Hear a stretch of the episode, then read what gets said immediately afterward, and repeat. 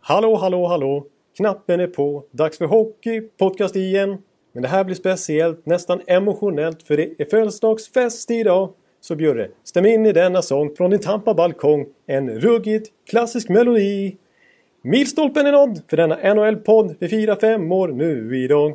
Oh, the good hockey game is the best game you can name. And the best game you can name is the good old Old hockey game. Du. Hallå, hallå, hallå, hallå, hallå, hallå, hallå, hallå, hallå. Ja, hallå, hallå, hallå. Med, det, med den magnifika sånginsatsen från Jonathan Honskan Ekeliv så eh, inleder vi vårt födelsedagskalas idag. Vi fyller fem år. Ja. Eh, NHL-podcasten. Avsnitt nummer 214. Ja, precis. Det är irrelevant just idag, annars som jag eh, räknar den ordningen. Men det är faktiskt större att vi firar fem år faktiskt. Ja, vilken enastående insats där. Du, du ville ha med mig eh, och du fick lite på slutet där så vågade jag sjunga också. Men jag är Ja. inte lika modig som du. Nej. Men eh, vad enastående, vad enastående fint Jonathan. E- Du är Efter, en stjärna. Efter fem års eh, försök att få Bjurre att sjunga så det är svårare än så här liksom. Det, jag, jag tänkte, jag, jag drar till med The Hockey Song åt intro så får vi se om, om det går. Men det är ja, lite grann i alla fall fick jag. Så jag är nöjd. Ja, på slutet. Jag vart, jag kom, jag vart lite eh, paff där. Jag, ja. ja, men det var, det vart ju bra. Ja, ja eh, tre plus i alla fall. Nej, enastående i sånginsatser. Fem plus, ja bra. Ja, fem plus och fem plus text. Och, och femårsdag. Så att, eh, Ja, passande. men vi Ja. säger väl eh, grattis åt oss själva då. Hurra, hurra, hurra. Ja, det tycker jag faktiskt eh, att vi kan slå till med. Det, var alltså den, det är nästan exakt femårsdag. Inte riktigt ändå. Då skulle vi ha spelat in igår måndag. Eh, för att det var den 29 oktober 2013 som vi, vårt första avsnitt eh, spelades in. Som hade något namn typ så här. eh, Något med Henke Lundqvist schampo eller någonting. För det var, då gick ju den där schamporeklamen hela tiden med Head Shoulders. Eh, det var ett tag sedan. Eh, Vad minns du av första avsnittet? Jag minns inte så mycket måste jag säga. Det ligger ju på, på, på Spotify. Jag borde ha lyssnat på det. Ja, Eh, precis. Jag, jag antar att vi var lite valhänta och så. Inte riktigt vis- visste hur det här går till. Nej, det var eh, lite skakigt kan jag tänka mig. Det, var känslan då liksom. Hela första tiden där, hela hösten som det var. Knappt koll på. Jag, klippte inte podden själv utan ibland kunde det dröja 24 timmar innan det vi snackade om kom ut ens. För då var vi just det. beroende att Patrik Syk skulle jobba för att vi skulle kunna spela in podd överhuvudtaget. Så att eh, det har hänt lite sedan dess i alla fall. Ja, ja jag, jag, jag minns att när det kom på förslag. Jag tyckte det var så ja, ja, ja jag vet inte. Den, här, den här konstiga Ekeliv där hemma. Ska Ja. jag och han sitta och prata? prata. Men det, eh, det kändes snabbt att vi ändå hittade en fin dynamik där. En fin... Två olika personligheter som... som bildar... Ja, vi bildar kemi. Ja, vi, vi är ju lite olika om man säger så. Eh, på ganska många plan. Det har jag fått notera när jag kommer på besök också. Ja, oh, ja. Men, jag, som jag minns det så började det... Ja, Jag tycker snabbt det blev bra. Jag, jag minns när jag var i Sochi tyckte jag det var jävligt bra. Eh, Ja, just det. Vi satt i, i den ryska natten. Och, och efter allt var gjort så gjorde vi det, våra inspelningar. Ja, jo, men det var trevligt. Det kommer jag också ihåg. Det var, ja, det, Och många fina höjdpunkter har det varit. Och allra bäst när du har varit här förstås. Så vi har gjort det ihop. Ja, just det. Det har ju faktiskt blivit ett antal roadtrips under fem års tid här nu får man säga. Men, eh, Ja, tre åtminstone. Ja, och, så har du, och så dök du upp här i Tampa under finalen också. just det. Så då satt vi också ihop. Just det. Och jag, det ja, exakt. Och jag, men jag kommer ihåg, apropå Tampa då, att nu är du i Tampa, det ska vi komma in på också, men att eh, jag hade som ambition inför vi spelade in podden att jag ska försöka inte liksom, det här Tampa-färgade ska inte liksom få prägla för mycket, utan jag ska försöka hålla ner det. Jag ska inte ens nämna det. Men det tog 22 minuter tror jag, sen så sprack det. Att, eh, Det har misslyckats ganska kapitalt. det är kapitalt och nu har jag tappat det helt, så nu skiter jag i det. Nu, nu kör jag på som, som, som jag måste i princip, för det, det bara är så. Ja, men det är väldigt roligt. Och bland det roligaste är ju att, det, att vi har så bra eh, kontakt med lyssnarna. Det är många som, som eh, tycks uppskatta det vi gör och är väldigt hängivna och det är vi såklart extremt tacksamma för. Och, och Ja. tycker om all respons vi får på sociala medier och e-mail och så. Ja, det uppskattas extremt mycket. Varje mejl, vare sig det är något positivt eller negativt eller vad som helst eller feedback på vad vi pratat om eller vad vi bör prata om och så här, det är liksom uppskattas alltihopa. Och Ja. utan eh, den responsen och utan folk som lyssnar på oss, då skulle vi ha lagt ner för länge sedan. Så det här ger ju bara oss motivation att fortsätta. Vi vill ju gärna fortsätta fem år till. Verkligen. Att, Det, eh, det ska vi göra. det här kanske bara är början på podden. Fem år är ingenting. Nej. Vem vet? Stanley Cup-finalen 2038. Ja, visst. Då sitter vi här. Ja, visst. Exakt. Det är, det är, det är målet. Ja, vi får se. Det är, inte, det är inte helt omöjligt. 2067, då fyller jag 100. Då kanske vi kan... Då, då siktar vi på att det blir sista, avs... Ja, sista avsnittet, avgörande finalen 67. exakt. Avsnitt eh, 11 376. Ja. Jag är 100 och du är vad? Eh, 80, 83 eller något. Ja, något sånt där. Ja, precis. 83, ja... eh, 77. Vad fan, är jag så mycket äldre? Vänta nu. Ja, Vilket nej, år är du född? 1990. Är det sant? Ja, 1990? jajamän. Herregud. Det är samma år som Då- Erik Karlsson, Viktor Hedman, John Tavares. Ja, och jag hade jobbat på Borlänge Tidning i sju år då. Ja, just. Ja, eh, som sagt. eh, Inte helt eh, samma bakgrund om man säger så. Inte samma generation. Nej, precis. Exakt. Nej. Ja. Ja, ja. ja, men eh, hurra till oss och hurra till lyssnarna. Tack för att ni finns. Ja, det är framförallt ni som eh, ska ha stort tack från oss. Ja. Vi, vi ska inte gå ner någon allt för mycket down memory lane utan vi ska eh, rikta blicken mot nu som Ja. vanligt. Ja, Och som du nämnde där så har jag privilegiet att befinna mig i just Tampa nu då. Ditt, eh, din, det du kallar heliga staden. ja precis. Ja, det, var, det börjar bli lite kallt och ruggigt i New York så jag tänkte nej, det är dags, dags för en sväng till Tampa. Nej, jag har ju jobb här också och eh, jag ska se två väldigt bra matcher i natt. Eh, Jag har ju konstaterat att det här kan vara preview av både konferensfinal i vår och för för det är New Jersey ikväll då och eh, final på torsdag när Nashville kommer hit. Ja. Och eh, ja, det senare är väl inte så konstigt, det, det har vi ju talat om förut men det höjs väl på ett och annat ögonblick när jag säger att, att, att eh, Devils kan vara i konferensfinal. Men det är faktiskt inte helt otänkbart att de är laget som kommer ut ur Metropolitan. Nej, det är faktiskt... eh, Nej, alltså... Ja, jag tror att det höjer på en ögonbryn som säger, men alltså... Vi hade ju lite... Det var ett spännande lag inför säsongen vart de skulle stå någonstans. Efter sin otroligt fina säsong i fjol där vi var så imponerade över deras spel och deras laganda och deras fart och deras, den här moderna nya Devils. Eh, men eh, sen såg man i slutspelet att de hade en bit kvar och sådär. Eh, trots att de hade Ja. satsat och tagit in lite nyförvärv. Och sen, eh, har de ändå satsat på kontinuitet över sommaren här.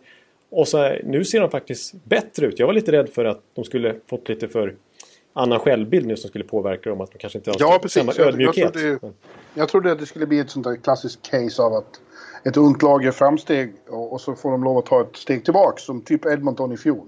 Ja, ja, just det. Exakt. Som många hade som i Stanley Cup-final. Ja. Ja, det blir så här att eh, undermedvetet att de här lagen får lite för sig att det ska gå av sig självt. Och, och det gör det ju aldrig. Nej, nej precis. Eh, Och, men nej, alltså jag... Återigen när man tittar på Devils nu. Det är om möjligt ännu mer struktur på spelet. Försvarsspelet, jag menar backarna på pappret är ju inte så vassa. Det var en bra trade att, de fick in Vatanen och att de vann dragkampen om Butcher och sådär. Men även Severson och ja, hela gänget som Ja. har varit där ett tag. Det är, Andy Green, kaptenen. Det kollektiva försvarsspelet, man räknar in forwards också. Det har vi ju varit inne på flera gånger. Att forwards måste ju verkligen involveras i, i försvarsspelet också. Keith Kincaid i kassen nu när Corey Schneider varit borta. Det. Ja, han var riktigt bra. Han har stått varenda match. Ja. Jag var den enda som har gjort det. eh, Det var han och Ken Talbot. Men Talbot eh, fick vila en match i alla fall. Ja, just, Här just det. nyligen. Ja, nu gjorde Koskinen till slut debut. Ja, och var riktigt bra. Ja, ja, de vann ju till och med. Ja, och eh, ja, eh, jag, jag skulle vilja säga att det är så att ja, försvarsspelet, det, det- är som så mycket annat hos Devils just nu. Det är så här modernt kvickt eh, försvarsspel. De är inte kvar i egen zon särskilt länge när de väl har fått pucken. Då är Nej. det ut. Precis, och det är inte nödvändigtvis bara så att de... Det, då kanske det låter som att de bara kastar ut en eh, liksom New Jersey icing ungefär. Nej, nej. Nej, utan det är, ju, det är ju en tanke bakom. Det är konstruktivitet. Eh, Man men för- spelar ut pucken snabbt. Ja, precis. Och man, man väljer enkla alternativ också. Det finns ju enkla, raka alternativ som inte måste gå i sidled utan rakt framåt. Eh, och det, det är de bra på. Och just, men eh, huvudsaken är att de har farten. Menar, det är ju nästan synonymt för nästan alla bra lag i dagens NHL, att man spelar med fart. Och det har de verkligen. På Ja. alla plan. Dessutom så var det ju så då, det var ju Tampa just de mötte i, i första slutspelsomgången i våras. Och ja, där var de ju numret för litet. Men det var också helt uppenbart så att de fick sig en lektion där. Som de verkligen har tagit till sig och dragit lärdom av. De har ju tagit ett steg till. Ja, Ja, Det, precis. så det, det måste alltid gå till så. Det är, det är ytterligt sällan ett lag första, första slutspelsframträdandet har, har success. Ja, det är bara att gå tillbaka på sådana lag som Chicago innan sin stora era här och Pittsburgh Ja. med Crosby och gänget och sen eh, om jag får lägga in mitt Tampa, deras första slutspel med den här Ja. kåren. De eh, torskade med 4-0 mot eh, Montreal. Fick sig en tokreaktion där. Så att det, Och det lärde de sig enormt mycket av också. Ja. Så att, eh, precis. Så att ja, det är uppenbart att Devils... Eh, jag skulle vilja slänga in att de är på riktigt. Som vi redan har konstaterat utifrån vad vi har pratat om. Men att de är, det är dags att ta dem på allvar. Absolut. Ja, det är det verkligen. Ja, men eh, vad gäller då i övrigt så kan jag bara berätta då att jag sitter här på Marriott Waterside.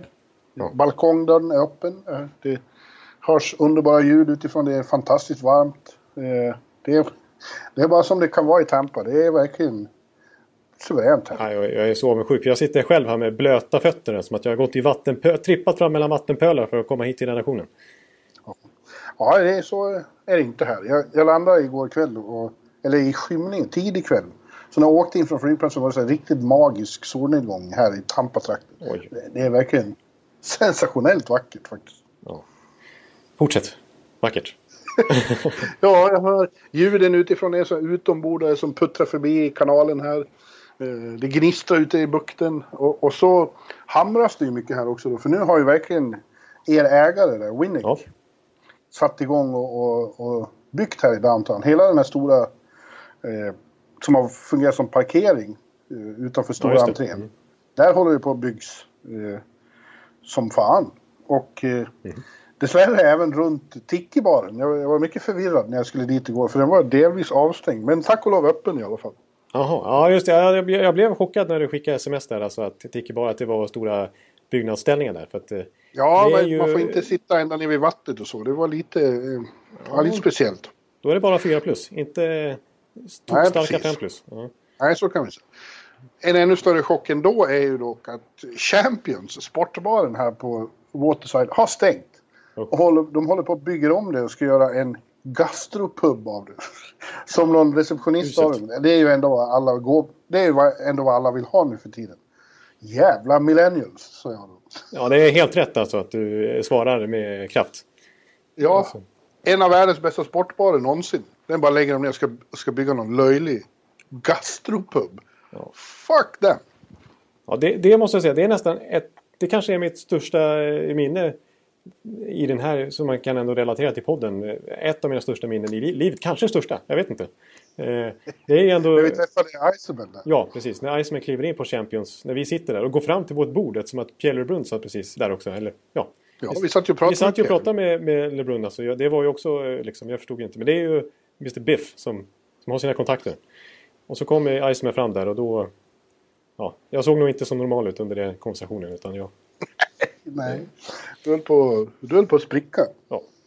Ja. Så att, eh, ja, nej, så att jag, ja, det är otroligt tragiskt att, att de ska göra gastropub av, av den otroliga sportbaren där. ja, det är det verkligen. Hemskt. Vilket, vilket det är löjeväckande. Ja, nu vill jag nästan... Jag känner att jag nästan tappade humöret här. eh, Bara eh, tio minuter in i, i den här historiska podden. Jag tänker den enorma eh, bildskärmen de hade där ovanför bardisken. Nej, den kommer man aldrig få se med. Nej, nej, vi, måste, vi måste lämna det här ämnet nu. Ja, Hemskt. ja vi lämnar det här ämnet. Eh, och går över till det. Jag satt här igår och såg på matcher på, på, på datorn istället till slut. Efter att ha varit på Tiki-baren en, en sväng så såg vi Elias Pettersson igen. Ja. eh, I sin andra match efter comebacken göra ny braksuccé. Gjorde två fantastiska mål när Vancouver slog Minnesota. Eh, och alltså, killen är ju fan helt... Vilket fenomen! Tänk om inte han hade blivit skadad de här två veckorna. Då hade han ju för fan förmodligen varit i ledningen i, i poängligan. Ja, han hade varit med och hotat rantanen där uppe i 20-talet på nästan. Han ligger ju Ja. på 10 trots att han har missat ett gäng matcher. Ja, leder rookie-ligan Ja. fortfarande fast han har varit borta två veckor. Sju mål på sju matcher. De kan redan ge honom Calder. Ja, det känns nästan så. Ja, de, har ju tappat det nu i Vancouver. Det var vi inne redan på första veckan där. Men alltså, de, de, de fortsätter. De kan inte tro vad de ser. Men alltså, det är ju, nu, då pratar vi redan då pratar vi om att eh, de har börjat anamma Växjös smeknamn Alien där. Att han känns ju nästan utomjordiskt bra. Ja. Eh, Ja. Och nu, det, det har ju satt sig där borta nu och Dike Pete och allt det här. Och eh, någon som sa efter gårdagens match att jag läste i The Athletic att, att eh, alltså, han är som Sedinarna på steroider.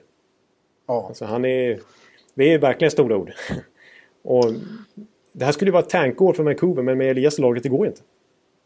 Ungefär sådana ord. Det, det är ju alltså... Det är inte bara att han gör mål, de är ju så jävla spektakulärt snygga hela tiden också. Ja. ja, alltså det är ju två klassmål han gör i, igår igen. Eh, Ja, för, först det här direktskottet när han liksom går ner på knä, det är så otroligt stiligt. ja. Eh, men ännu mer när han sen kommer i friläge. Alltså den luckan han hit- hittar precis under, under ribban där. ja. Det är, det, är, det, är, det är snuskigt bra gjort. Ja, ja. och eh, täcker skott där innan som leder till chansen och så sticker han iväg och är tokfri liksom. Man fattar inte hur det går till. Någon som aldrig har spelat i NHL förut kommer in och bara gör det här så självklart liksom. Som att det, det är inte så märkvärdigt det här. Nej men det Det är ju... som alltid har gjort. Ja, jag, jag är ledsen om jag tjatar men det är ju det som är hans signum genom karriären att han alltid lyckas överträffa förväntningar trots att han har väldigt höga förväntningar på sig. Jag menar som hans rookie-säsong i Växjö i fjol, den är så galen så att det finns ju inte när han slår rekord efter rekord. Som har stått sig i SHL i 30 år. Eh, och blir MVP i slutspelet sin första säsong. Eh, vinner Ja. poängligan och allt där. Och nu är det så, nu, jag menar nu, nu går han går från Hockeyallsvenskan till SHL och nu upp till NHL och liksom lyckas be- behålla den nivån. Alltså så att han är lika dominant även i NHL. Det är, I princip i alla Han fall. är, han är hockeyns Grand Canyon kanske. För de säger, om Grand Canyon säger de att det är en av få eh, turistattraktioner i världen som inte bara lever upp till förväntningarna utan faktiskt överträffar dem när man väl får se dem. Ja. Får se Grand Canyon. Eh, och det är lite lika med Elias då. Ja, Han är skulle, inte bara, han är inte bara eh, infriar förväntningarna, han överträffar dem när man väl ser honom. Nej, Så, alltså, man måste, alltså, det, är- det är kul att bara se honom. Alltså, man, det är kul att se highlights-paketen sådär, men det är, det är fantastiskt bara att se hur han agerar egentligen i alla delar av banan. Han har ju fått mycket beröm nu sista, eh, i, i, i sin comebacken också när folk noterar hans defensiva spel och inte bara hänförs av hans dribblingar och offensiva raider. Alltså, han täcker ju skott. han täcker ju massor med skott i, igår. Eh, och han... Eh, Ja, men han, han har en viktig närkamp när, när Vancouver varit nedpressade med Mikko Koivu som har ja, nästan 1000 NHL-matcher. 98 kilo med, mot Elias Petterssons 80 kilo och 7 NHL-matcher. Ja. Ändå vinner han den närkampen. Ja. Eh, och får ut pucken. Så att, Elias Grand Canyon Pettersson. ja, det är ytterligare ett smeknamn. Till den Och eh, nästa vecka kommer de ut till öst här. Jag ska, jag ska hänga med mycket då tänkte jag. Ja, det, det, det, det tycker jag ska göra. Nej, jag, Elias Pettersson, det blir, det blir nog Calder på honom så länge han håller sig skadefri. Ja, för ja det tror jag. Boka en svit i Vegas, Elias. Ja, precis. Redan nu. Så att du får bästa möjliga. Ja. Men eh, ja, det, det går ju bra för fler svenskar. Jag skrev en krönika i söndags om det där att eh, man hade ju på förhand kunnat tro kanske att det här skulle bli ett litet mellanår i svenskt avseende i och med att legender som Bröderna Sedin och Zäta har lagt av och Lundqvist spelar i ett rebuild-lag och, Ja. och, sedan har det nu dessutom då visat sig att Erik Karlsson eh, tar lite längre tid för honom att acklimatisera sig än man hade trott. Men Ja. det är ju andra som, som verkligen har eh, ja, vad skrev jag? Exploderat. den, den svenska fanan mitt på scenen. Eh, och det är ju Elias då. Men det är även Landeskog och hans kedja var vi inne på förra veckan också. Men det är ju bara... Man kan inte... Man måste nämna dem igen. Eh, Ja, ja. Han har inte lugnat ner sig direkt. Nej, den här matchen mot, mot Ottawa var ju fantastisk. De gjorde 10 poäng. Ja.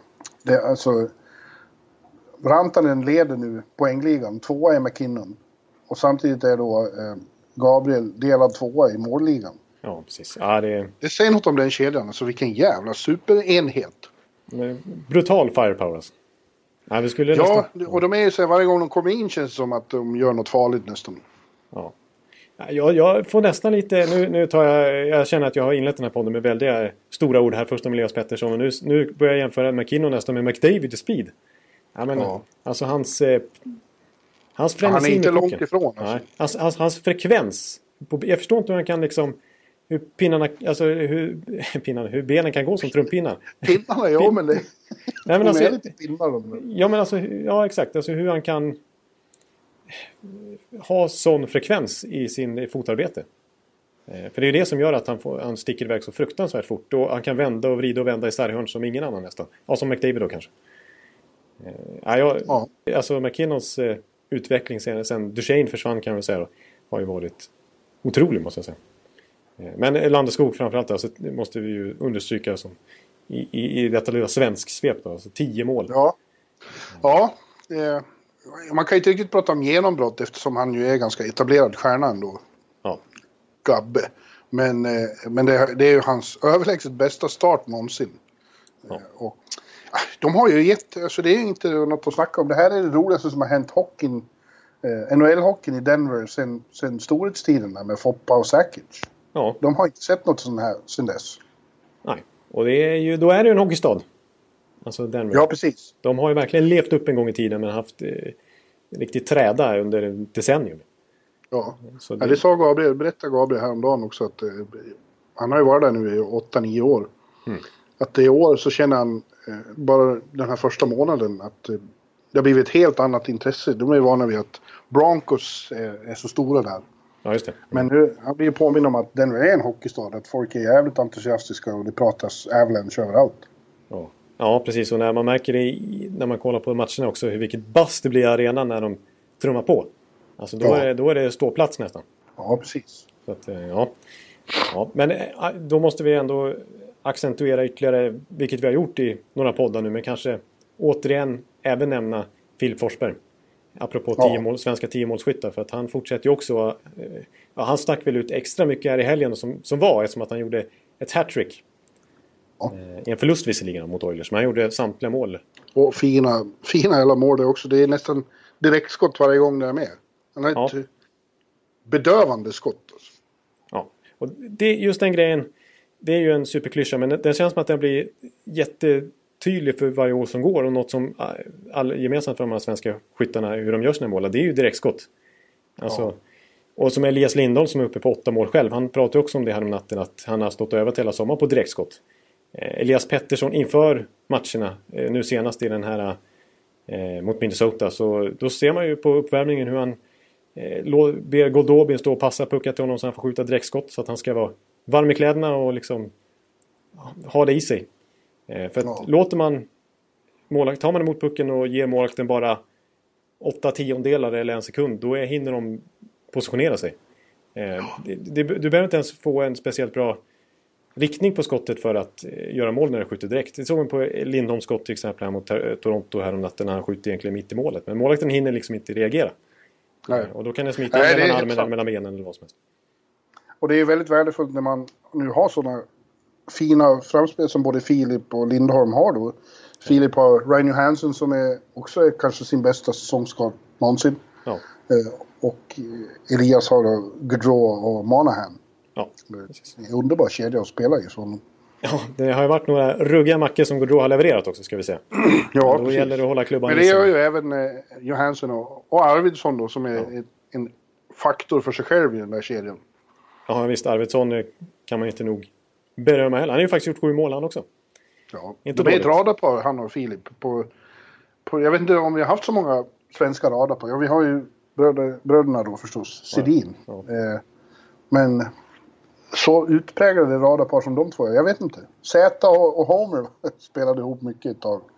Ja, men det här, ja. Men det här känns... Lillpröjsarn och Hedberg back in the day. Ja, just det. Winnipeg eh, Jets eh, 70-tal. VHA. Ja, Ja, just det. ja men sen är Rangers också i NHL. Ja, just det. Just det absolut. Ja, nej men eh, absolut. De är, det är kanske där de eh, får som epitet när de lägger ner karriärerna. Superradarparet i Nashville. Ja, Men, eh, och faktum är att eh, lägger man på deras mål, då har de gjort 17 mål ihop. Och det är hälften av Nashvilles mål den här säsongen. Vi pratar om bredden i det laget, men det är två svenskar som står för majoriteten i princip av målproduktionen. Så de är rätt viktiga för det där Preds-laget får man säga.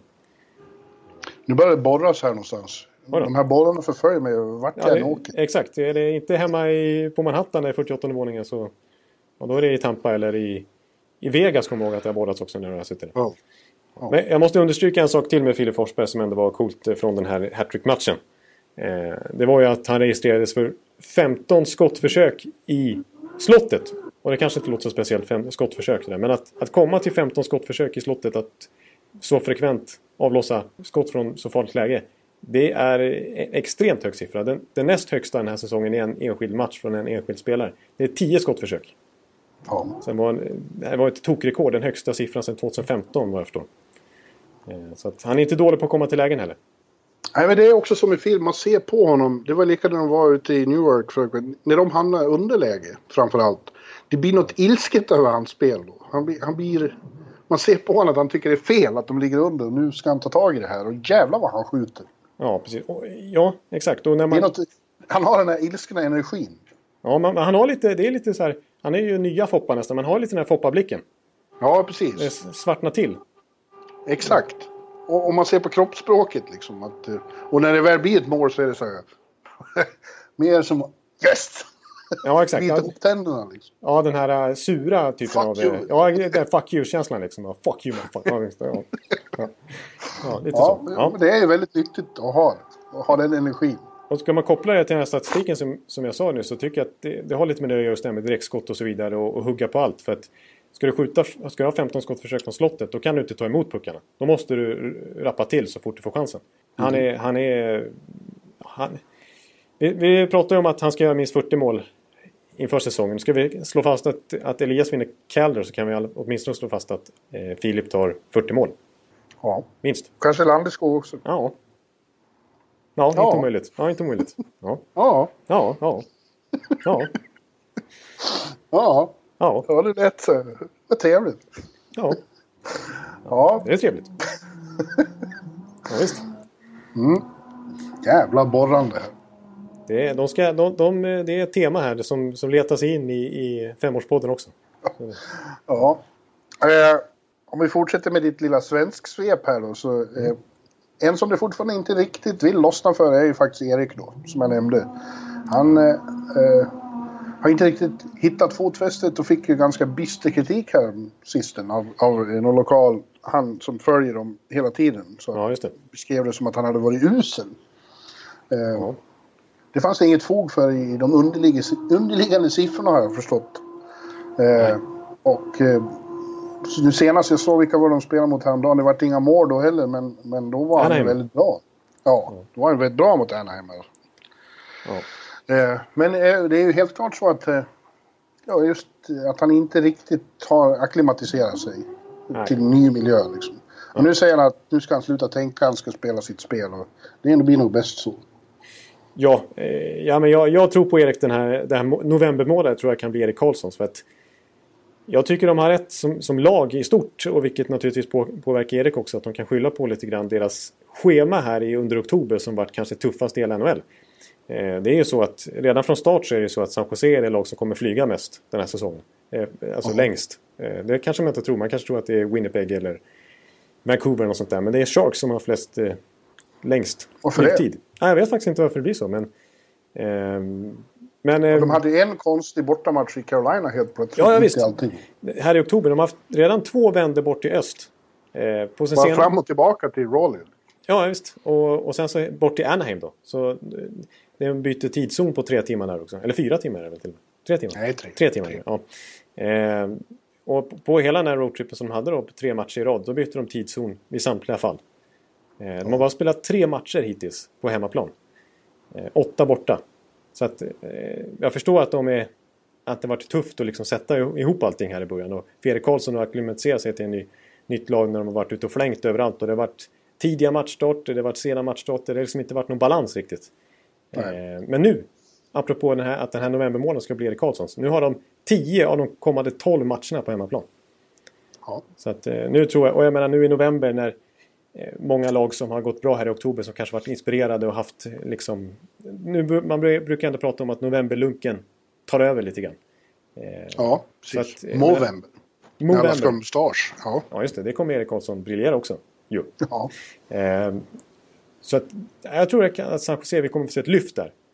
Eh, från deras sida. Och det börjar sätta sig lite grejer nu också spelmässigt och i formation. Jag menar powerplay var ju katastrof i början. Det som vi trodde skulle bli så vansinnigt bra med både Karlsson och Burns. Men det har varit eh, lite bättre nu med, det har visats, liksom den bästa formationen har visat sig vara Erik Karlsson på point. Ja, man, men det, det hade vi kunnat berätta från, från början när man tänker efter. Liksom. Det är klart Ja. han ska vara där. ja, ja, precis. Och Burns då till vänster med sin Ja. höger, ja, som hög skytt helt enkelt. Och han har bombat in något, någon feta kassa därifrån. Så att, eh, ja, det bör- börjar sätta sig lite mer. De är, trots det här tuffa schemat så leder de ju faktiskt Pacific just nu. Mm. Eh, och då vet vi vilket fantastiskt schema de har framför sig nu. Så att, eh, ja, jag, tror, jag tror San Jose kommer liksom eh, börja eh, motsvara förväntningarna lite, lite mer här nu eh, kommande tiden. Ja. Och därmed Erik Ja. Karlsson också. Jag tror det. Ja, jag, jag tänker mest på Erik och tror definitivt att förr eller senare kommer det här lyftet. Och innan, eh, om en dryg månad ska de till Ottawa. Och innan dess tror jag han har eh, hittat sitt spel. För där tänker han vara bra. Ja, det, där tänker jag definitivt på. Där ska han ju toppa formen. Han ska ju nästan pika säsongen där höll jag på att säga. Det är, det är en matiné uppe i Ottawa. Den kan man inte missa. Ja, då är du väl på plats. Ja, det är Det, så, så är det ju. Ja. Eh, sen är det många som har lyft fram, alltså just ja, men om man tar till exempel en sån som P.K. Subban för ett par år sedan. Han var ju ingen succé inledningsvis sett till förväntningarna heller. Han gjorde lite mer poäng och mål än vad Erik har gjort inledningsvis. Men ja, det var ju mer snack om att Shea Webber var en sån succé i Montreal som vann sin division då och så vidare. mig. Eh, medan eh, det var lite gnisslades under hela liksom, hösten och fram till årsskiftet kring Subans första tid i Nashville. Ja, men det slutade i Stanley Cup-final och att Subban var extremt bärande i det laget. Så att, Ja. eh, vi ska inte räkna ut Erik på något sätt.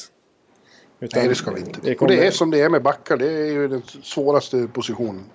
Ja. Eh, Det ser man. Det, så är det för rookie som kommer in. Eh, Vår, vår vän Rasmus Dahlin nu är nere i, i tredje back bara, för att de, de matchar honom lite mer försiktigt och låter honom liksom växa mejsla in. ut sitt, eh, sin, sin NHL-identitet i mer lugn och ro.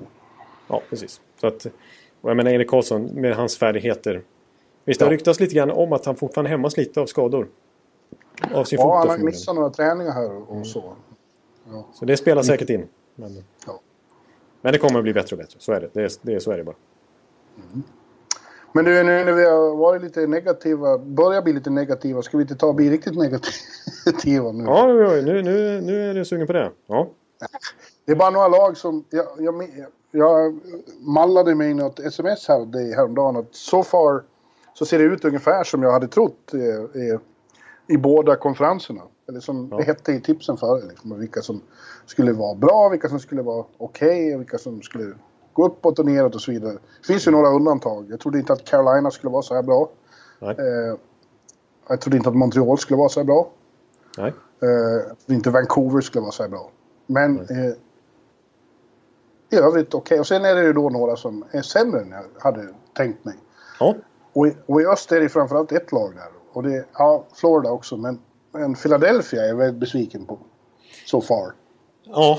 ja, det är nog eh, fansen där uppe också. En återkommande profil i podden som vi brukar nämna i alla fall. Det är ju Niklas Wiberg som har en egen podd. Eh, Ja. Där han lä- lägger ut texten här i veckan och har gjort den senaste tiden. Men eh, ja, Philadelphia Flyers eh, form just nu och säsongstart i stort har ju inte alls varit eh, vad man trodde. Nej, alltså det finns väl de som är ännu sämre som Rangers och Detroit och Ottawa. kanske. Men i, i deras fall så är det ju kalkylerat nästan. Man vet att eh, de är på väg ut för LA rebuilds och så här. Flyers är ju tanken att de ska vara contender. Ja, exakt. De går ju för det. Tar in Jameson Reemsnack som visserligen är skadad då. Men eh, de satsar nu. Wayne Simmons är på UFA och de har Giroux och hela gänget eh, på, i sin prime. Och Rook, liksom unga spelare som väntar och ska ta ytterligare ett kliv i år med Provo då på Nolan Patrick och Oskar Lindblom och sådär. Eh, Ja. Det fanns ju fog för att eh, ha stora förväntningar på det här laget. Ja, det gjorde ju det. De gjorde ju... De åkte visserligen ur då, men de gjorde ju faktiskt en bra serie mot, mot Pittsburgh i våras.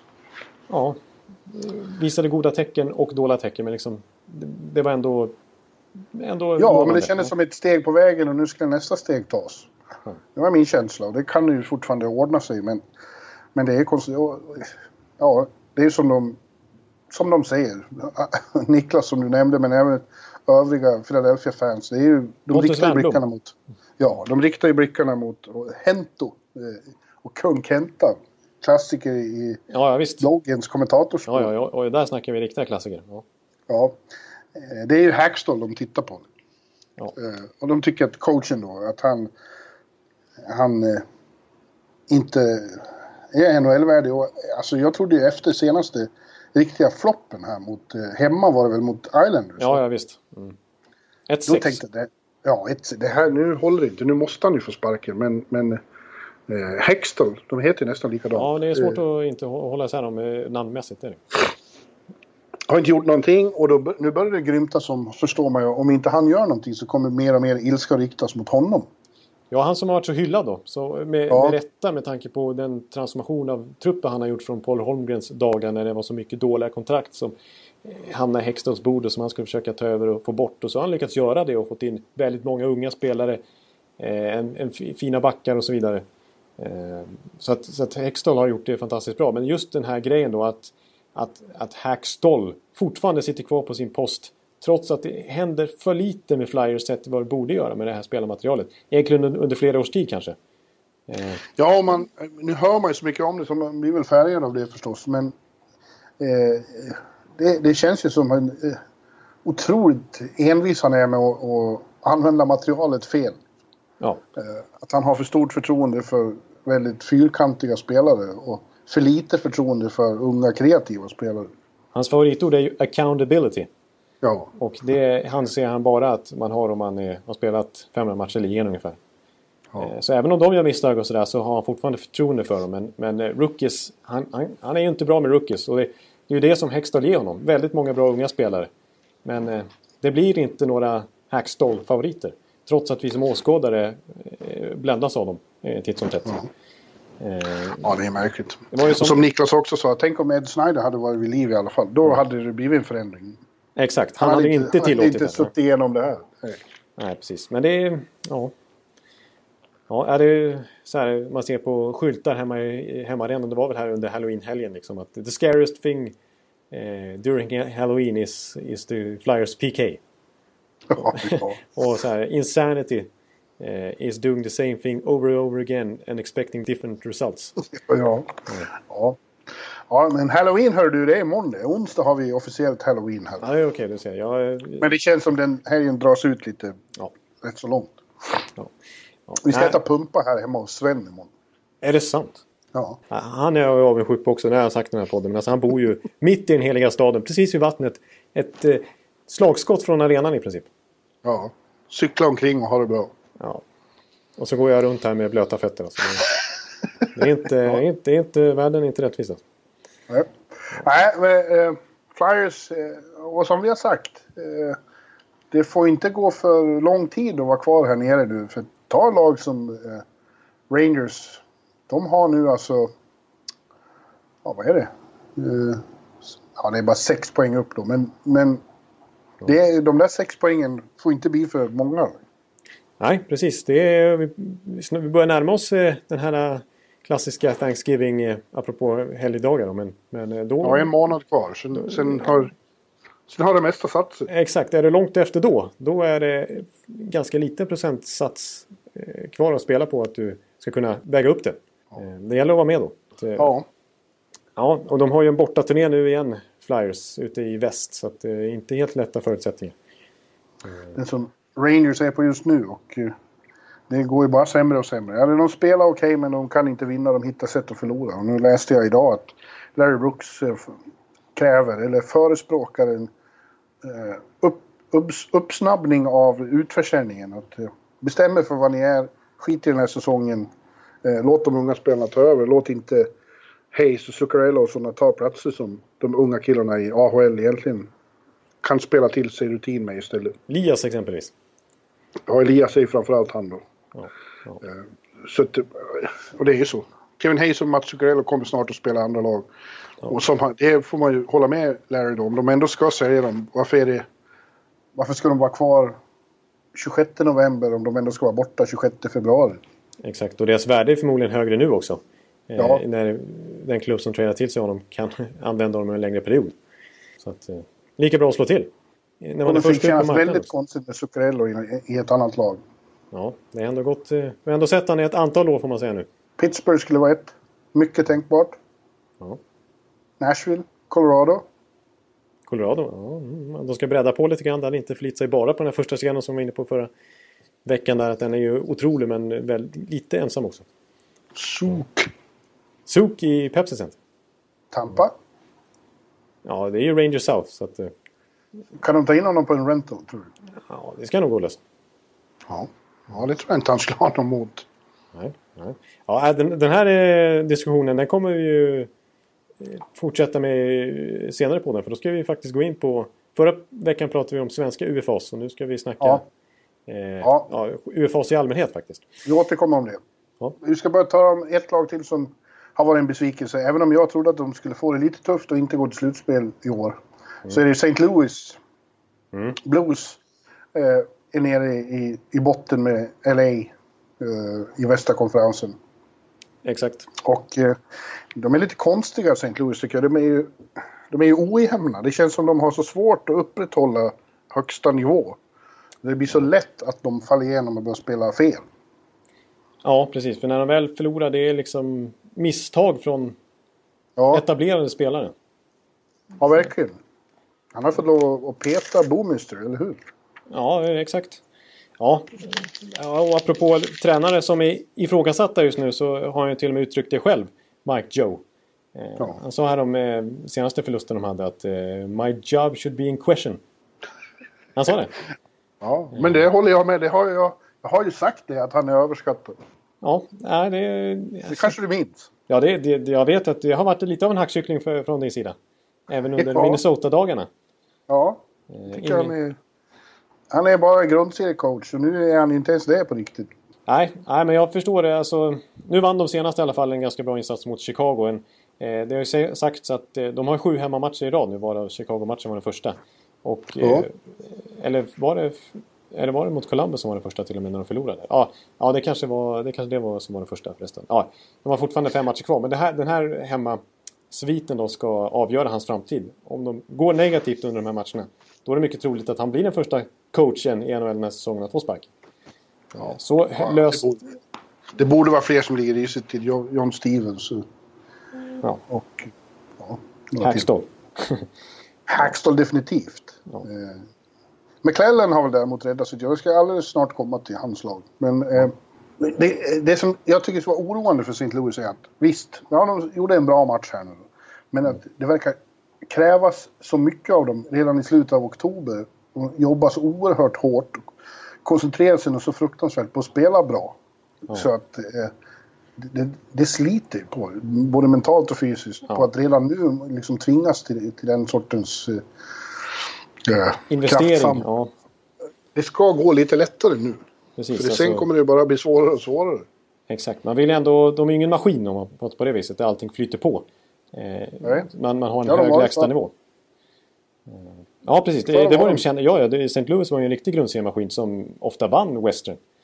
Ja. Sen fallerade slutspelet, men det flöt ju på som bara den. Inte minst med Ken Hitchcock som coach. Men eh, ja, jag håller med om det. det är, så här, Jake Allen i kassen har ju inte varit bra. Nu är han skadad. Han är ju väldigt opålitlig. Han kan, det var ju som vi pratade om här förut att förra säsongen så varannan månad hade han otroliga siffror, varannan månad urusla. Eh, förra året hade han i alla fall Carter Hutton som klev in och, och eh, storspelade däremellan. Nu är det Chad Johnson liksom. Det var ett klokt beslut av mig det jag fick mycket skäll för i, i fantasyligan. Men jag ganska snabbt droppade Jake Allen. Ja, Då kom kommissionären himself, Kingfors, in och, och, och, och sa ajabaja att det, så där kan man inte hålla på och släppa första målvakten. Ja, du fick en tillsägelse av eh, våran Gary Bettman helt enkelt. Så. Ja, vår egen Gary Bettman tyckte att det, det var oprofessionellt handlat helt enkelt. Ja. Ja, Men jag, jag står fast vid att det var ett riktigt beslut. ja. Nej, och jag, alltså i den här matchen, den, nu vann de som sagt mot Chicago, men dessförinnan torsk mot eh, Columbus, ganska stora siffror. Släppte in sju mål i den matchen. Efter det fjärde målet, de tog ledningen med 2-0, så släppte de in fyra raka. Och då drog faktiskt Doug Armstrong från sin plats. Han var så sur, Ja. general managern, för att han har ändå satsat den här sommaren, gjort många feta moves. O'Reilly har kommit in. Eh, David Perron, Patrick Maroon, Tyler Bosak och så vidare. Eh, Ja. De spenderar till lönetaket, så det är, det är ett dyrt lag. Eh, och sen så ser det så dåligt ut och enkla misstag igen och fyra mål på hemmaplan bara sådär släpps in. Eh, Ja, det, och det har ser- redan varit såna här presskonferenser med Joe där han liksom ställer ultimatum och det är kris och det är liksom... Nu måste vi se oss i spegeln och sånt. Ja. Så att, nej, det, det, och en sak som de i alla fall kommer fram till som typiskt är psykologiskt i början av säsongen som är att vissa lag lyckas bra och andra dåligt som kanske jämnar ut sig över en hel säsong. Men eh, som jag eh, tror är en faktor hos St. Louis och de som de är inne på själva. Naturligtvis inte den enda. Men att de hade en lite för hög självbild. Alltså de, Ja. in, de, hade ju, de var ju lite hypade inför säsongen. Både du och jag hade dem på slutspel, det spelar ingen roll. Men om vi ser generellt sett så var det många som hade höga tankar om dem. Eh, och det hade de uppenbarligen själva också. De trodde att de skulle vara kanonbra liksom. Eh, men det är många nya spelare som inte riktigt har satt sig in i spelsystemet. Joe har inte lyckats förmedla det på ett smidigt sätt. Hur han vill att de ska eh, liera sig i gruppen eh, och på isen. Så att det, det har jag varit inne på liksom att, att nej, vi, vi trodde att vi var bättre än vad vi är. Mm. Och det har ställt till det ganska ordentligt här i början. Ja. Så att, ja, tufft för Blues. Det kan bli absolut Yes. missat slutspel med tanke på den där divisionen. Alltså Pacific är kanske lite lättare när San Jose lyckas leda den trots en svår oktober. Men St. Louis, alltså, de ska de förbi Colorado och Minnesota och Winnipeg och Dallas och Nashville och så vidare. Ska de kan, och Ja, Chicago ja, som går bra också. Usch. Nej, det kommer att bli jättejobbigt. De kan sluta sist i den här divisionen. Ja, kan. Ready to pop the question? The jewelers at BlueNile.com have got sparkle down to a science with beautiful lab grown diamonds worthy of your most brilliant moments. Their lab grown diamonds are independently graded and guaranteed identical to natural diamonds, and they're ready to ship to your door. Go to BlueNile.com and use promo code LISTEN to get $50 off your purchase of $500 or more. That's code LISTEN at BlueNile.com for $50 off. BlueNile.com code LISTEN.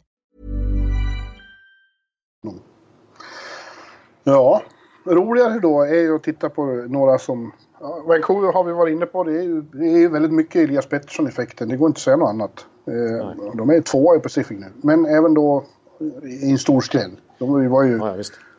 Och, och vi, får, vi, vi ska fortfarande se. Jag är inte, jag är inte hundra på att de är ett slutspelslag än. Verkligen nej, nej. inte. Eh, De var bra även förra året i början. Och Sen kom det mycket skador och nu har de ju fått så enormt mycket skador. Exakt. Ja, ja. Edmonton tycker jag är ett intressantare fall. De har bara spelat tio matcher. De är trea där i Pacific nu. Och eh, det stämmer ju mot vad jag trodde. Liksom. ja du Jag hade ju... vacklade i den bilden av att ha sett dem i början för att de spelade så bedrövligt försvarsspel i egen zon. Ja, Men nu har de fått till det och det, det är någon sån här känslan att McDavid är ju vad han är. Han är så otroligt bra så det är löjligt. Ja, så att det, det krävs liksom bara att de andra höjer sig lite grann har varit känslan och det har de ju gjort. Eh, en sån som Lucic är redan mycket bättre än vad han var i fjol till exempel. När han var en katastrof. han gjorde ju ett mål eh, eh, de Ja, sista 40 men han är mycket mer aktiv och liksom, man, man kan tycka vad man vill om honom. Men det, han är mycket, mycket bättre. Mm. Dreisaitl eh, lever återigen upp till liksom sin roll som, som eh, ja, McDavids uh, radarpartner. Ja, en liten one-two-punch där med, med han i, i en andra kedja. Eh, Ja, men när de är i powerplay framförallt. Ja, absolut. I powerplay har ju varit fantastiskt väl mot dem. Det, det var ju katastrof i fjol. Det var ju oproportionerligt dåligt sett till spelarmaterialet. Eh, för Mm. där kan ju ändå McDavid omges av bästa möjliga.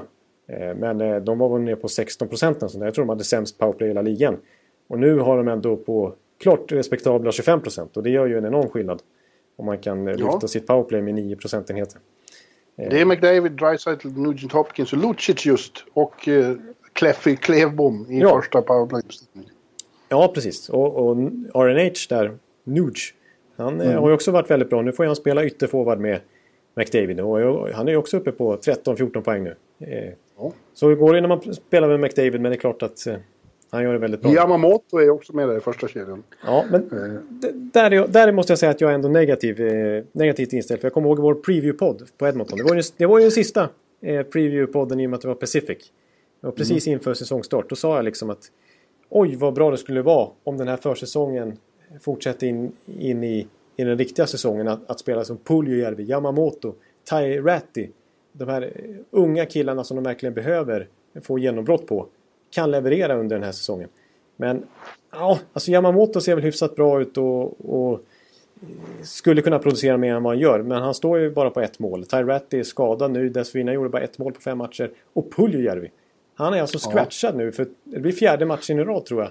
Eh, när de Ja. spelade. Att, eh, Han har till och med förlorat sin plats i, i New York Dolls. Jag har droppat honom. oj, oj, oj, ja, du ser. Det är ju faktiskt ännu större statement. Ja.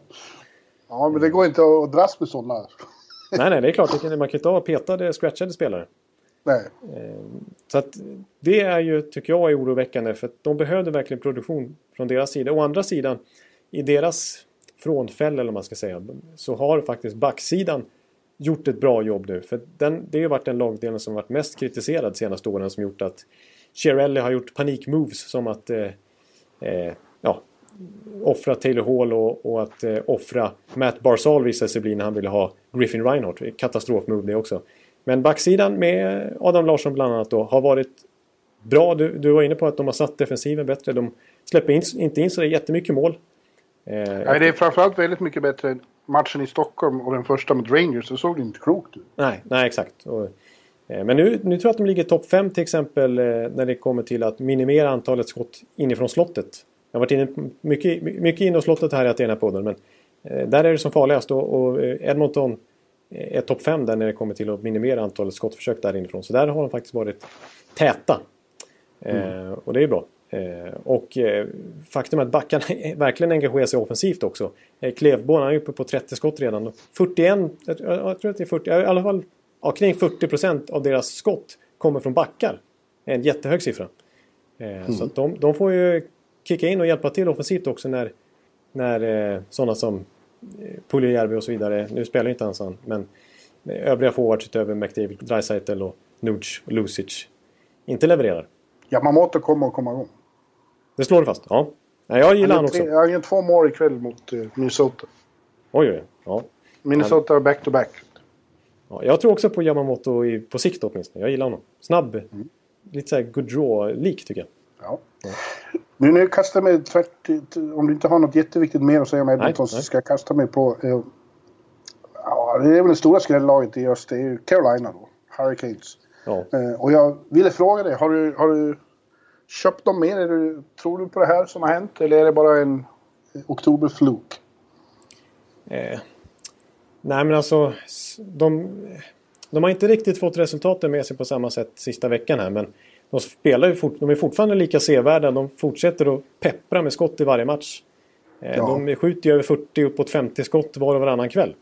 Eh, Sebastian Aho, vilken säsong. Han har poäng alla 11 matcherna i sträck. Ja. Det är nytt tangerat klubbrekord. Ja, exakt. Nej, han, är ju, han är ju verkligen en superstjärna. Eh, och ja, backsidan är ju stark. Eh, det är väl målvaktssidan som är kanske lite frågetecknen som gör att de inte tar så många poäng som de förtjänar. Eh, jag tror... Jag tycker att Carolina än så länge inte visar några tecken på att stagnera eh, spelmässigt Nej. i alla fall. Utan de är fortfarande lika sevärda och fortfarande lika harmoniska som grupp. Ja, jag vet inte. Jag, jag, jag väntar med dom någon vecka till tror jag. Eh, för att de har överraskat positivt förr i början av säsongerna. Ja. ja är... Men inte riktigt lika mycket som den här gången. Det är väldigt... Eh, som du säger, de är ju väldigt sevärda och de, de har ju något... De har ju någon känsla där som är väldigt speciell. Ja. Eh, de retar ju eh, dinosaurierna, old school-männen, med sitt firande efter segrarna på hemmaplan. Ja. De, de kör ju både eh, den här isländska vulkan vulkaner med fansen och eh, åker omkring och kastar sig och står på isen. Ja, exakt. Ja, de hittar på nya grejer varje gång. Ja, och jag såg Brian Burke fick kommentera det i någon periodpaus här från, i, i lördags under Hockey Night in Canada. Och muttrade om att det där tyckte han minsann inte om alls. Det är larv. Och, och, så här ska man inte hålla på i grundserien och så. Det var nästan så att de fick eh, peppra med eh, pipknappen där för att det inte skulle spåra ur. och, och liksom man känner bara fuck you. De har ju underbart. Publiken älskar det ju. De stannar kvar efter segrarna. Spelarna verkar tycka det är fruktansvärt kul. Varför inte? Liksom? Varför måste man eh, hålla fast i gamla gubbiga principer om hur det ska gå till? Jag håller helt med där. Alltså, de har ju verkligen gjort det till en, Det är nästan blivit en del av deras nya identitet. Ja. Att de har roligt. Eh. Och det verkar ju komma från högsta ort. Att det är ägaren som har eh, liksom Eh, stimulera dem på det sättet. Gör mer sånt. Ja, exakt. Dandon. Eh, som vi har mm. ifrågasatt nu ända sedan han tog över egentligen. Hans märkliga mos och hans otroliga villighet att lägga vantarna i blöt höll jag på att säga. Vad säger man? Fingrarna i... Ja, nu, nu kommer klassiskt... Vantarna i blöt! Ja, vantarna i blöt. Ja. Jag lyckas... Jag har, jag, jag har försökt på mig det där ordspråket förut men jag lyckas att se vantarna tror jag. Lägga näsan i blöt? Näsan i blöt? Jag var inte ens i närheten. Jag tänkte byta till fingrarna. Ja fingrarna i kakburken. Ja, så är det. Just det. Ja. Ja, nej, det är ju det, det, är ju den Ja, men han har de, lagt vantarna. han har lagt vantarna i blöta överallt alltså. Varenda gång de där vantarna alltså. Och, och, eh, men eh, varför inte göra såna här grejer av det alltså? För att de har haft problem med publiksiffror. De har haft liksom... eh, Ja. Så, här, så de, de behöver... Och de, och de har haft lite strul med liksom att få ihop gruppen kanske också. Men nu, nu känns de ju en ruggig lagsammanhållning där och att de orkar hålla uppe den här energinivån i match efter match. Eh, Det och kommer att sprida sig så att Burke och Muttrali, kanske inte till andra NHL-lag, men det kommer att sprida sig college och, och, och juniorligor. Och hur ska vi då ha det? Ja, hur skulle det se ut? Vad skulle det göra? Ja. Nej, Skulle, hans, eh, skulle man ha lyssnat på honom under alla tider då skulle en sån som Elias Pettersson inte varit i NHL idag till exempel. Nej. Så att... Eh, Nej, så keep it going i roller. Jag- ser fram emot att komma dit någon gång under säsongen och få se mer av det där. När, när William är där kanske. ja, just det. Mm. Det kan vi ju ta och titta på nu. Eh, Det blir lite kast här mellan ämnena. Men eh, vi sa ju det att vi kanske skulle ta och diskutera vad som kommer hända med William Nylander. Nu har han och Toronto en månad på sig att komma överens. Ja, Eh, annars eh, passerar... Är det första december eller vad är det? första december så eh, då passerar gränsen för han som RFA att eh, har ni inte skrivit på någonstans då då eh, kan... Eh, ja, då får han inte spela NHL på resten av säsongen. Då får han vänta till nästa säsong. Så då får han lira i Schweiz eller KHL eller något sånt där. Tror du verkligen han vill gå så långt? Nej, jag kan inte komma på något fall där det har hänt alltså. Nej. Eh, så att... Eh, nej, det, Det, tror jag verkligen inte. Liksom. Ja, ja visst. Nej, det är, det är inte bra alls. Men det, det, nu, börjar, nu tycker jag ändå att vi har kommit så långt att det börjar bli ett väl, väldigt speciellt fall det här. För vi har ändå tonat ner det ett tag under hela oktober här med tanke på att det brukar vara RFA som håller, drar ut på förhandlingarna. Liksom. Men, eh, men William är extra hård alltså. Han kommer inte nöja sig med något eh, med Torontos förslag. För de, självklart vill de, som varit inne på så många gånger, pressa ner priset så att de ska få plats med Matthews och Marner, hela gänget. Eh, till förmånliga kontrakt. Men eh, nej, Nylander tänker på sitt eget bästa. Ja, ja verkligen. Eh, men eh, är det sitt eget bästa om, om man missar en hel NHL-säsong? Nej, det är det inte.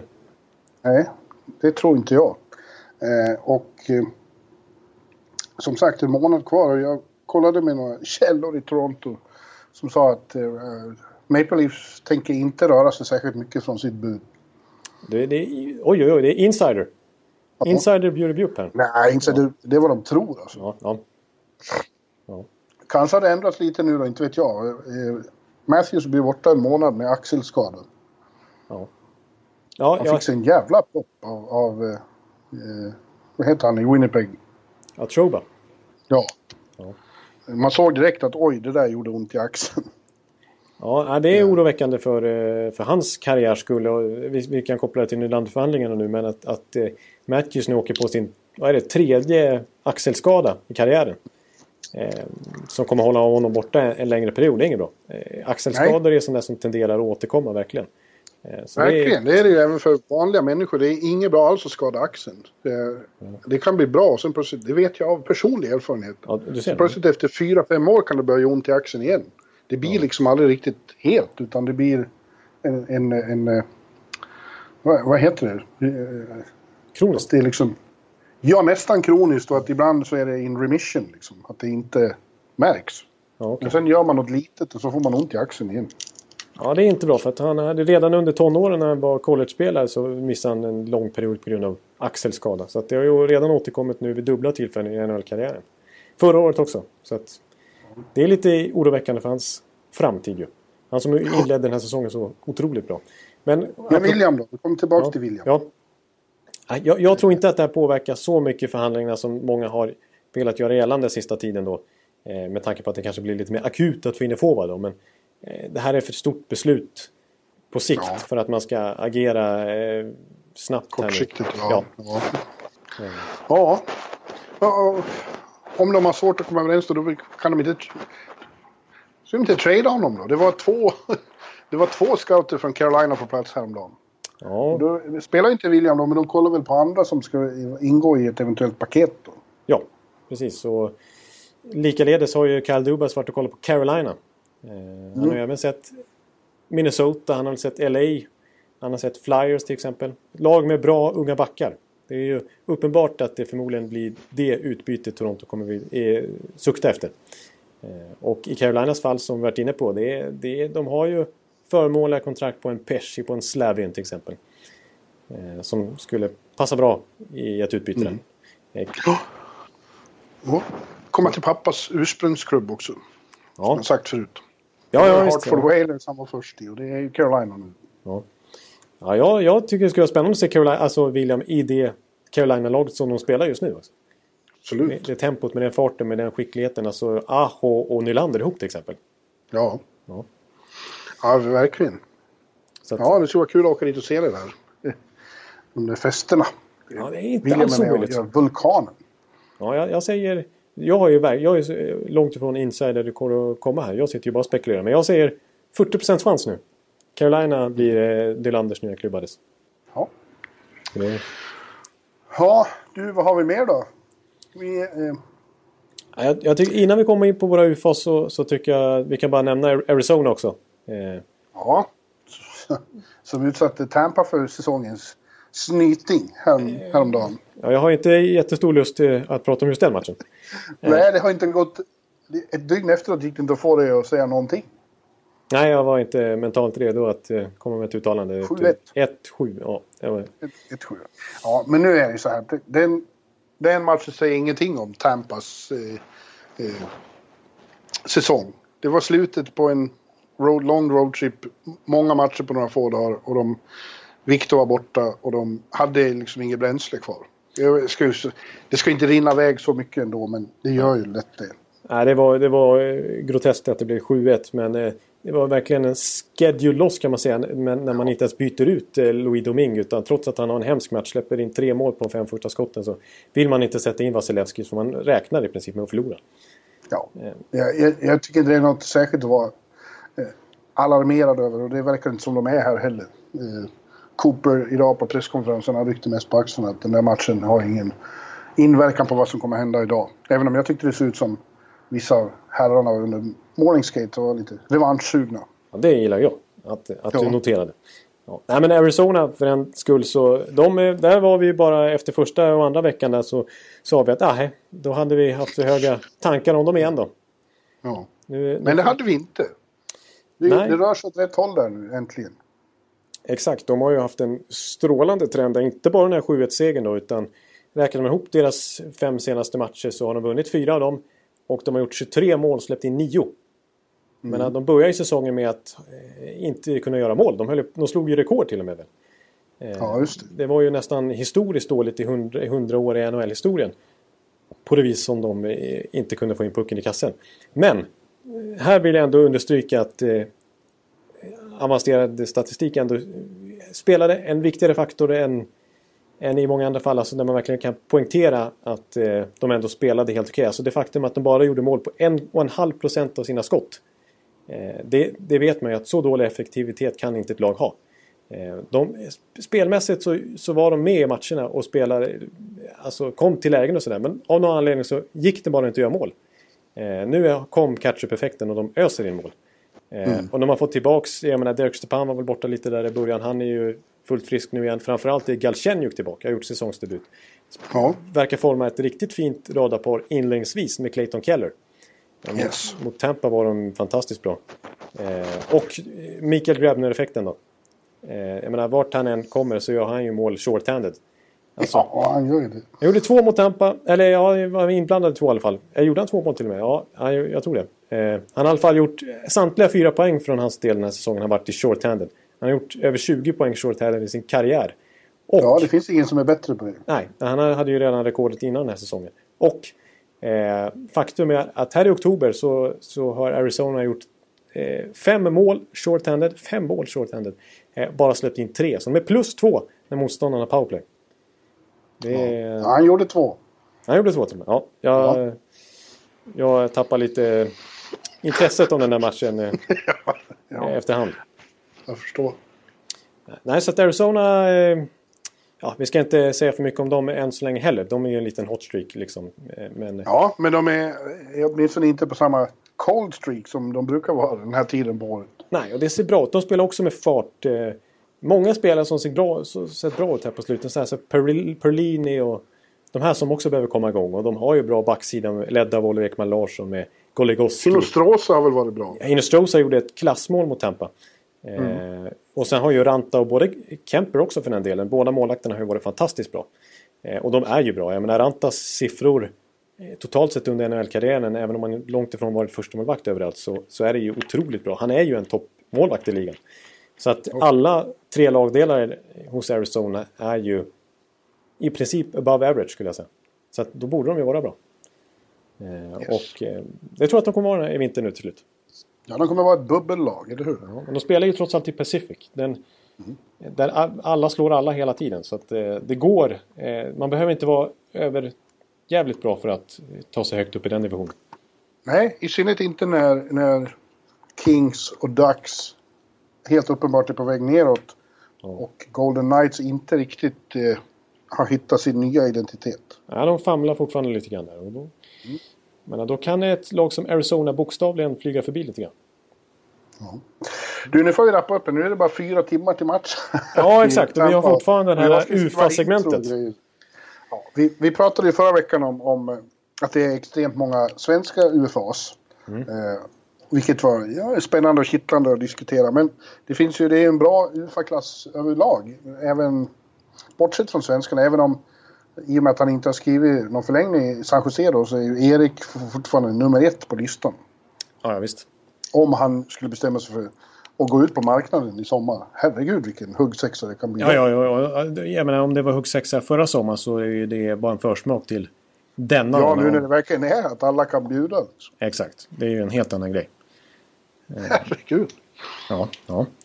ja men eh, annars håller jag med dig lite grann som jag pratade om. Pierre LeBrun skrev en text om här i, i veckan också. Att eh, backmarknaden, bortsett Erik då, har tunnats ut betänkligt sett till hur eh, det såg ut för ja, nå- något år sedan när man pekar på oj, sommaren 2019. Då har vi Drew Doughty, vi har Oliver Ekman Larsson, vi har Erik Karlsson, vi har Ryan McDonald, Ryan vi har Ryan Ellis. Ja, de flesta av dem har ju skrivit på. Ja, precis. De har skrivit på. Nu skrev till och med Nate Smith på här. Trots att han är dopningsavstängd. Eh, Ja. Så gjorde George McPhee ett sånt där George McPhee-kontrakt som vi har pratat om. Alltså ute i god tid och hoppas göra ett fynd. Eh, Lite riskabelt också, men eh, förmodligen bra. Ja, ja det har du rätt i. Backar är kanske inte så många. Chara. Chara är blir Ja. UFA. Ja, om nu han väljer att, att göra något annat. Han, han blir ju förmodligen kvar. Men eh, ja, Han, han kan väl bli en av de som skriver ett år i taget. ja Boston. han, han är ju där. ja. Så länge han vill. Liksom. Exakt, och så, då är det bara Boston som gäller. Så gjorde ju Lidas på slutet. Ja, exakt. Men han, han sparkade sin agent och, och gjorde det själv några år. Ja, just det. ja. Och eh, framgångsrikt också. Han hade ju ingen dålig lön på slutet heller för den saken. Nej. Nej. Nej, men med, forwards och, målvaktssidan. Och, vi kan, ju- och det är framförallt ett lag då som det är problem för. Och det är Columbus då i och med att deras bästa målskytt, Panarin.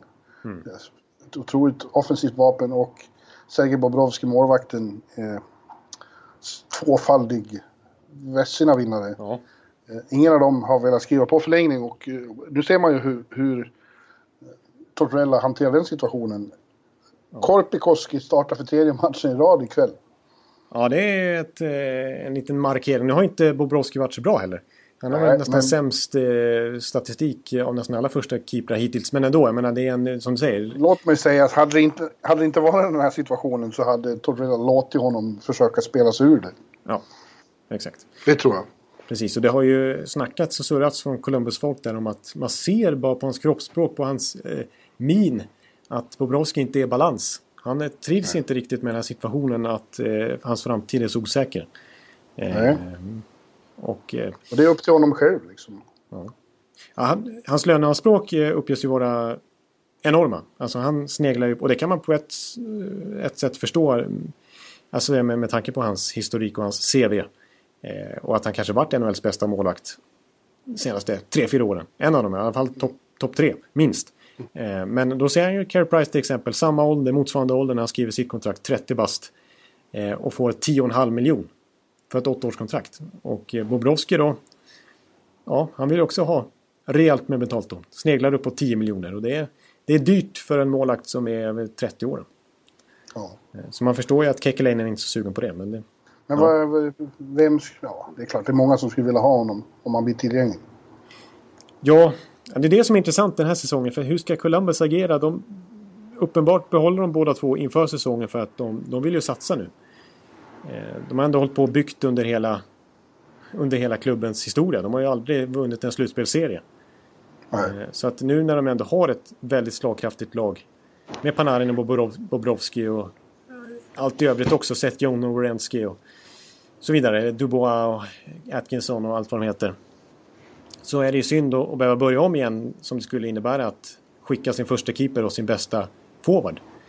Eh, Men eh, samtidigt om det går så här svagt nu och Bobrovski blir bänkad och Tortorella. Ja, jag menar marknaden för Bobrovski som ren rental skulle ju vara enorm. Ett Philadelphia tillbaks med Bobrovski eller Calgary. Ja. ja. Eller eh, många lag som skulle kunna tänka sig en Vessina-målvakt som eh, rental. ja Cal- Calgary tänkte jag just på. Smith är ju rätt gammal. Ja, precis. Om man tänker inte bara den här säsongen utan framåt. Så skulle Ja. han vara ett jätteintressant alternativ för Calgary. Vegas. Deras Ja, Morris är ju också bli gammal. ja, men nu skrev de ett treårskontrakt där som börjar kicka in först nästa år med Fleury. Men eh, egentligen tycker jag att eh, Bobrovski skulle varit jätteintressant. De som har löneutrymme också. Ja. Men eh, mer då? Eh, tror du att eh, Buffalo kommer att skriva eh, förlängning med Jeff Skinner? Ja, alltså de här spelarna är ju lite svåra. Eh, här måste de utvärdera vart de ligger någonstans eh, framåt deadline. Alltså då är en Jeff Skinner i Buffalo till exempel. Eh, Wayne Simmons i Philadelphia. Ja, honom är det redan mycket mummel om. Vad de Ja. ska göra med honom. Ja. Eh, hur ska eh, eh, så här, Minnesota med Eric Stahl, Carolina, Justin Williams, Mr Game 7 kommer ju vara intressant för många lag om Carolina skulle plötsligt vara ute ur bilden. Ja, men om de inte är det så Nej, är han... då måste, nej, då måste man eh, behålla honom. Likadant med Buffalo med Jeff Skinner. Jag tror att Skinner är någon de gärna behåller. Där Mm. över tid. Han är ändå ung. Han är yngre än vad man tror. Med tanke på att han slag, slog igenom i ligan så tidigt. Men eh, du har ju rätt. Om, om- Philadelphia aldrig tar sig ur den här funken de är i nu. Mm. Då skulle ju Simmons vara ett otroligt bra rental för någon. Jag menar, han är en av de bästa i, i powerplay framför kassen. Exakt. Exakt. Det Han är verkligen vad man vill ha i ett, i ett slutspel. Ja, jag, jag såg det lite som en... Eh, nu, nu är dåligt ord, men dödsdom för Simons framtid i Flyers. När, när de väljer att ta in eh, JVR på 7 miljoner per säsong i ett långtidskontrakt. För att hans specialitet är ju också att stå framför mål i powerplay. Och peta in returer. Så att eh, det känns som att Simons dagar där är snart räknade. Och visst, de skulle kunna ha honom som en egen rental om de går för den här säsongen. Vilket de har fortfarande för avsikt att göra. Men som du säger, är han borta framåt mars. Då är det ju bara, då är han en, då kommer det ju vara 15 lag som ringer eh, Hextall. Ja, San Jose. Ja. Ja. Eh, ja, eh, Tampa. ja, jag tror, ja, ja, som sagt, alltså alla Tampa lag skulle behöva någon som är bättre inne runt kassan. Ja, där det har de ingen riktig, där får, där får ju Killorn spela powerplay eftersom de inte har så mycket annat att ställa där. Så att, eh, mm. Eh, Men eh, sen har vi då de givna, nu har jag varit inne på Zuccarello och Hayes till exempel. Och, eh, Ja. Där skulle man kunna tänka sig att sådana som har kontrakt ytterligare ett år, en Kreider eller en, till och med faktiskt en Jesper Fast kan hänga löst. Om de ska köra den här rebuilden enligt Larry Brooks. Ja, det verkar inte som alla är riktigt... De vet inte riktigt vad de vill. Alltså det är, man vill ju inte heller hamna i den här situationen där de unga killarna hamnar i en förlorarkultur. Liksom att de bara förlorar och det bara blir skit av allting. Ja. Nej, det, det, den risken finns ju, är ju överhängande. Ja, och den, det verkar inte Quinn vara det minsta inne på heller.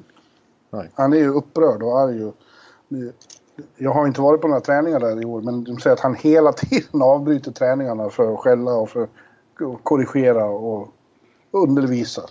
Ja. Och han är ju väldigt upprörd på bristande disciplinen som gjorde att de till exempel tappade den här matchen mot Los Angeles som de ledde med 2-0 genom att ta en massa utvisningar för too many men. Ja, just det. Ja, det, det går ju inte hem eh, förstås. Nej, det är för att de pratar för lite på bänken tydligen. Ja. De, de, de sitter tysta där. Ja. Då blir det sådär. Ja, ja, ja, ja, ja. ja Rangers det är lite... Det är ju ett vägskäl där hur långt man ska gå. Innan Ja. man går, för man kan ju faktiskt gå för långt. Ja, du menar med att det blir för mycket förlorarkultur? Ja, att man liksom blir för dåliga kortsiktigt. Ja. Eh, och att det är svårt då... Det blir en för djup grop man, man eh, gör själv. Eh, så att det blir för lång uppförsbacke sen. Men eh, sen är det intressant också med Islanders då. Eh, som har ett, eh, ett gäng spelare i sin prime som faktiskt blir UFA nu. Det är Eberle som har bytt till sig häromåret och det är Anders Lee. Också en Anders Lee, ja just det. jätteintressant spelare för många lag om Islanders skulle vara ute ur leken. Eh, Brock Nelson är ju där, är ju ett eh, hyfsat intressant namn också. Men frågan är hur Lamoriello ska agera som kommer in nu säkert vill prestera någonting. Han kanske inte har så många år kvar på den posten med tanke på hans ålder. Och han har, de har ändå investerat ordentligt i Barrett Shots. Så eh, jag tror inte att de tycker att de är så långt ifrån om man tittar på deras forwardsida. Eh, även om de tappar Tavares så har de ju en Barzal och en bra top 6 där om de skulle lyckas förlänga kontrakten. De förlänger med Bailey till exempel eh, i somras. Så att, Mm. ja. Frågan vilken Men de, strategi lite, de väljer. de, halkar lite hela tiden. Ja. Men som sagt, de, det, är mycket, det är ju inte alls otroligt att de är avsågat eh, i februari. Hur ska de då agera? Ska de riskera att tappa en Anders Lee gratis eller ska de trada om? Ja. Nej, sånt det blir ju alltid intressant. Var lag befinner sig när det är dags. Eh, För nästan alla är det då, utom för Rangers, som borde kanske göra det redan nu. Ja, för de, de vet ju vad, vad den här säsongen leder till. Ett sånt lag som, som vi trodde skulle vara där nere, men som inte är det än så länge, som sitter på två jätteintressanta UFA-forwards, det är ju Ottawa. Ja. Eh, med Duchene och Mark Stone. Det är också riktigt stora namn. Men de har ju också börjat halka ut för nu. Liksom. Det Ja. var ju positiv början där, men man såg när Colorado till exempel tryckte till på gasen, då var de ju inte i närheten av chans. Nej, precis. Och de har ju också levt på en hög skottprocent. Väldigt Ja. hög effektivitet av sina skott. Till skillnad från Arizona till exempel. Men spelmässigt så ja, Arizona är bättre än Ottawa. Det är ingen snack om saken. Ja, precis. Så att, eh, och Stone, det är väl det tydligaste exemplet där att han bara skriver ett ettårskontrakt som RFA så att han ska bli UFA den här sommaren som kommer. Han vill ju bort. Och eh, Ottawa får avsikt att skeppa honom till högstbjudande. Eh, och det kan nog ske ganska snart om Ottawa fortsätter att dala neråt i tabellen som de förmodligen gör. Ja. Och vi slog ju fast inför säsongen att Duchene i- Winnipeg så att eh, Line får sin lekkamrat där. Han, det är ju helt uppenbart att det inte funkar med Brian Little. Han gör ju inga mål Nej. Line. Nej. Nej, han behöver en bättre center for sure. Ja. Duchene då? Är ju tillgänglig. Ja, Här snackar vi. ja det, det slog vi fast. Både du och jag och Jarko, Ja, oberoende av varandra samma dag, hade kommit fram till den slutsatsen. ja samma slutsats när vi skulle tänka ut någon trader för Winnipeg. Ja. Eh, ett, Ja, du. ett sista namn som jag vill säga som intressant. Jag tror jag var inne på kanske i previewn också. Men eh, det är ju faktiskt eh, Joe Pavelski. Hur San Jose ska göra där.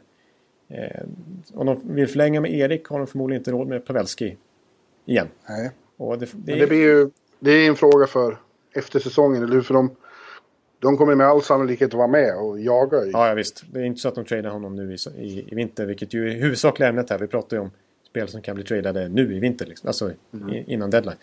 Eh, Men eh, Pavelski, det, ja, det knorras ju lite. Det ryktas om att han är lite besviken där. Att han är ändå lagkapten, varit där hela NHL-karriären. Och så har de inte ens inlett förhandlingar med honom. Eh, För att eh, de vill hålla Nej. alternativen öppna inför sommaren. Ja, det är klart. Det är väl smart. Ja, precis. Men till exempel med Burns och Vlasic så skrev de kontrakt så fort det bara gick. Men Pavelski har de inte ens börjat prata med. Och mer och mer tyder väl på att det här är sista gången de har Hugh Thornton på rosten överhuvudtaget. Han, Ja, nej, vara- är, exakt. Nu, nu tror jag att han ska spela i november igen, men eh, det är uppenbart att eh, de kan inte klämma ut ytterligare ett år efter det här. Det är på gränsen att, att han ska spela i år faktiskt. Att, Ja. ja. Nej. nej, vi kanske får nöja oss där för den här eh, veckan alltså. ja, nu måste jag köra igång med introt, hör du. Ja, snart ska du få gå den sköna promenaden. Eh, oh. Jag tittar ut nu och ser vad, vad det skulle innebära för mig. Ja, fast det- just att promenera är inte så skönt just nu därför att jag har en lower body. Jag är day to day med... Eh, igår sparkade jag tån i tröskeln hemma när jag höll på att packa det för att åka hit. Är det Och, sant? eh, Det gör man ju ibland och så gör det ont och så går det över. Ja. Men den här gången hände något för det har inte gått över utan tvärtom. Den lilltån är blå och stor som en pingisboll ungefär. Är det sant? Oj, oj, oj. Så jag har väl brutit den då. Men, men grejen är med, med, med brutna tår att man kan inte göra någonting. Nej. Det är bara att gå och vänta på att det ska bli bättre. De, de kan ju inte gipsa eller greja med dem. Ja, just det. Jaha, så du, Så, du får stå ut med eh, tåvärk? lite smärta ja. Ja. Men jag är ju jag är gammal eh, back som Kvarnsvedens GIF. Vi biter ihop. Ja, ja, ja det, det, det har jag fullt förtroende för. Alltså, per Bjurman kastar inte in handduken här för en eh, bruten tå. Det finns ju inte. Nej. Nej. Du är som eh, Gregor Campbell, gamla Boston-spelaren, som eh, lirar byten med brutet ben. Ja. ja. Jag bara trampar på. Ja, visst. Spelar skadad. Bra Bjure. Bra Bjure. Ja, men eh, vi... Eh, ja, igen säger vi väl grattis då. Hurra, hurra för oss. Ja, och, och tack alla er som har eh, lyssnat igenom hela det 214 avsnittet också.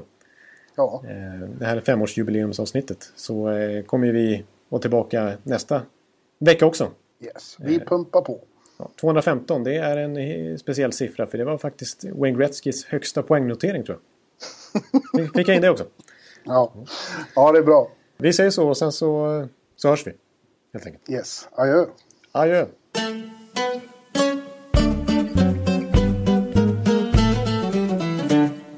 Hello out there, we're on the air. It's hockey night tonight. The tension grows, the whistle blows, and the puck goes down the ice. The goalie jumps and the players bump, and the fans all go insane. Someone roars, Bobby scores at the good old hockey game. Ooh, the good old hockey game. It's the best game you can name. And the best game you can name is the good old hockey game.